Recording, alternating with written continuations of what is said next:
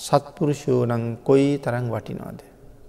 සත්පුරුෂයෝ කේන්ති ගන්න නෑ සත්පුරුෂයෝ තව කෙනෙකුට සාප කරන්නේ නෑ සත්පුරුෂයෝ කවදාවත් කෙනෙක් අමාරුය දන්නේ හැම වෙලාම සත්පුරුෂයා උත්සාහ කරන්න මොනව කරන්නද. සත්පුරුෂයා උත්සාහ කරන්නෙම තවත් එක්කෙනෙක් නෙමෙයි කීප දෙනෙක් හරි මේ සංසාරයෙන් එතරට ගෙනියන්න බයි.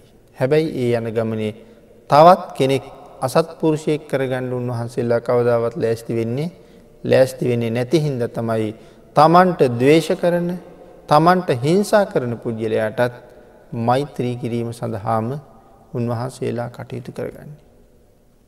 ආං ඒකට තමයි කියැන හැබෑම සත්පුරුෂ ධර්මය. මේක තව විදිහකට සාකච්ඡා කළුත්. අප පිඩතුට අහල ඇති මාගන්දිය සූත්‍රය. මාගන්දිය බ්‍රහ්මණයට අන්තිමට බුදුරජාණන් වහසේ සඳහන් කරනවා සත්පුරුෂය. ඔබට නැත මාගන්දිය. ඔබට සත්පුරුෂයෝ මුණ ගැහුණන. ඉස්සරලාම මොනවද හම්බ වෙන්නේ. සත්පුරුෂයෝ මුණ ගැහුණ නං ඔබට බනා හඬ ලැබෙනවා. ආං එදාට ඔබ බනාහනෝ. බනාහල ජීවිතය දැකල ඔබ එදාට ජීවිතයේ නිවැරදි කරගන්නවා. ඒ නිවැරදි මාර්ගයේ ගමන් කරලා සංසාරෙන් දෙතර යනවා.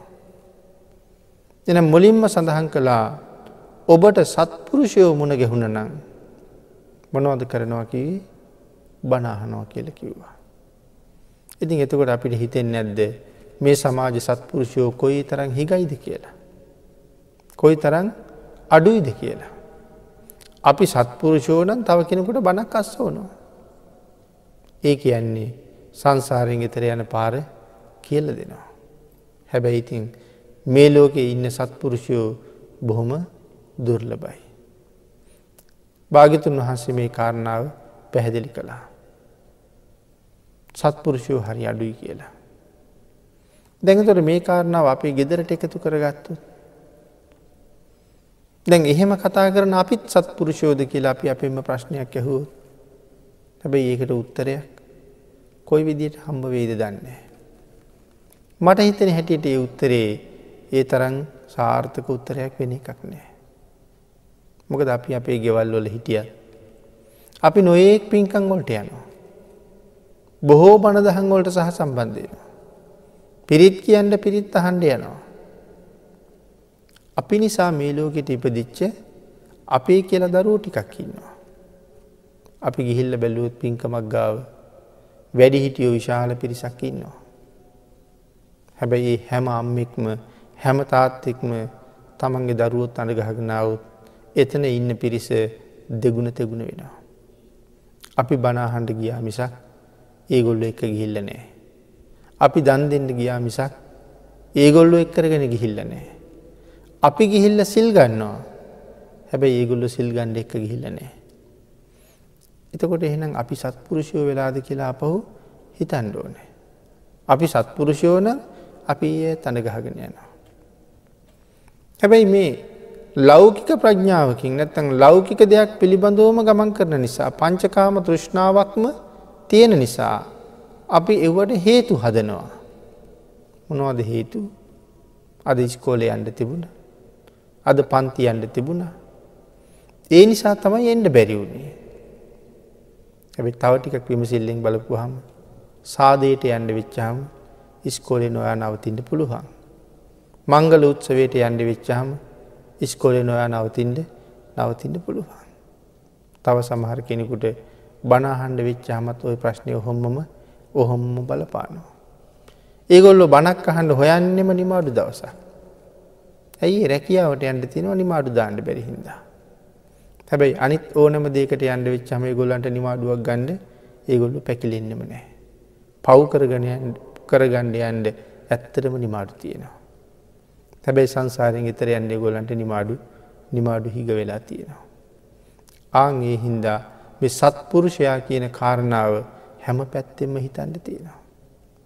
අපි හිතමුන්කො අර දරුවෙක් අපි අදට දාන ගෙදරකට එක් කියන්ට තිබ්බ ළමයි. නමුත් ඉස්කෝල නිසා එක ගියනේ. ඒගොල්ල එක දවසක් ස්කෝල ගිහිල්ල විභාග පාස් වෙන්නෙත් නෑ අවුරදු ගානක් ස්කෝල යන්න ඕනේ.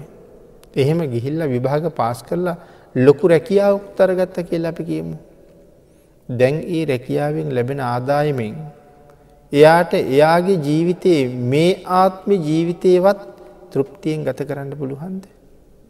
එයා කැමති කැමති විදිී ආහාර සපයගණ්ඩ පුළුහන්ද ඒ පඩියෙන් ඒක කරන්න බැරුවනවා. එනිසා බොහොම පිරිමහල තමයි කාල බීල ඇඳල හුඟක් වෙලාවට හුඟක් අය ජීවත්වෙන්නේ. නමුත් එක දවසක් ඉස්කෝලෙ පාලු කරලා.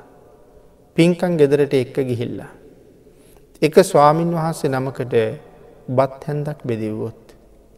දානි පාත්තරයක් පූජා කෙරෙව්වොත්. ඒ දරුවට සත්පුරුෂ වෙච්ච තරම තේරෙනවාද. අපේ භාගිතුන් වහසේ දක්කින විභංගේ කොහොමද එක පැහැදිලි කළේ. තිසරණ සහිතව පන්සිල් ආරක්ෂා කරන කෙනෙකුට එක බත්වේලක් දුන්නොත් අනාගත ජීවිත අසංකෙයකට කෑම හම්බ කරගත්ත වෙනවා කියලා. එහනම් මේ අධ්‍යාපනයෙන් ඒ රැකියාවෙන් මේ ජීවිතයටවත් යැපෙන්ඩ ආහාර හොයන්ට බැරිකොට එක දවසක් ඉස්කෝලයන එක නවත්තලා පන්තියන එක නවත්තලා මේ සත්පුරුෂයකුට ආහාර වේලක් දානය කරව ගත්තොත් තමන්ගේ දරු අතින් අපි ඔහුට මොන්න තරං සත්පුරුෂ වුණාද. ඒ දරුවන්ට ධර්මදේශනාවක් අහන්ඩ අවස්ථාව හදල දුන්නොත් ඒ කොච්චර දේවල් අහල තේරුම් ගනීද. මෙතෙක් තමන්ගේ තියෙන අඩුපාඩු කොච්චරක් ඒගොල්ලු මගහර වගනීද.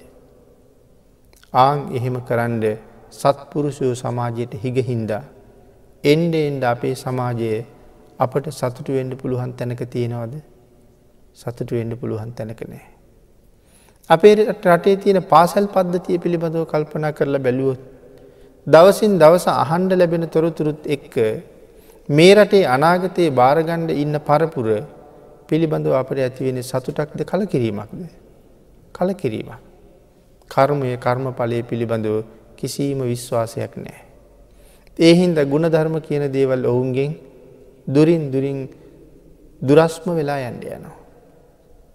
එනිසා අම්මට තාත්තට කතා කරන්න දන්නේ. ගුරුවරුන්ට කතා කරන්න දන්නේ.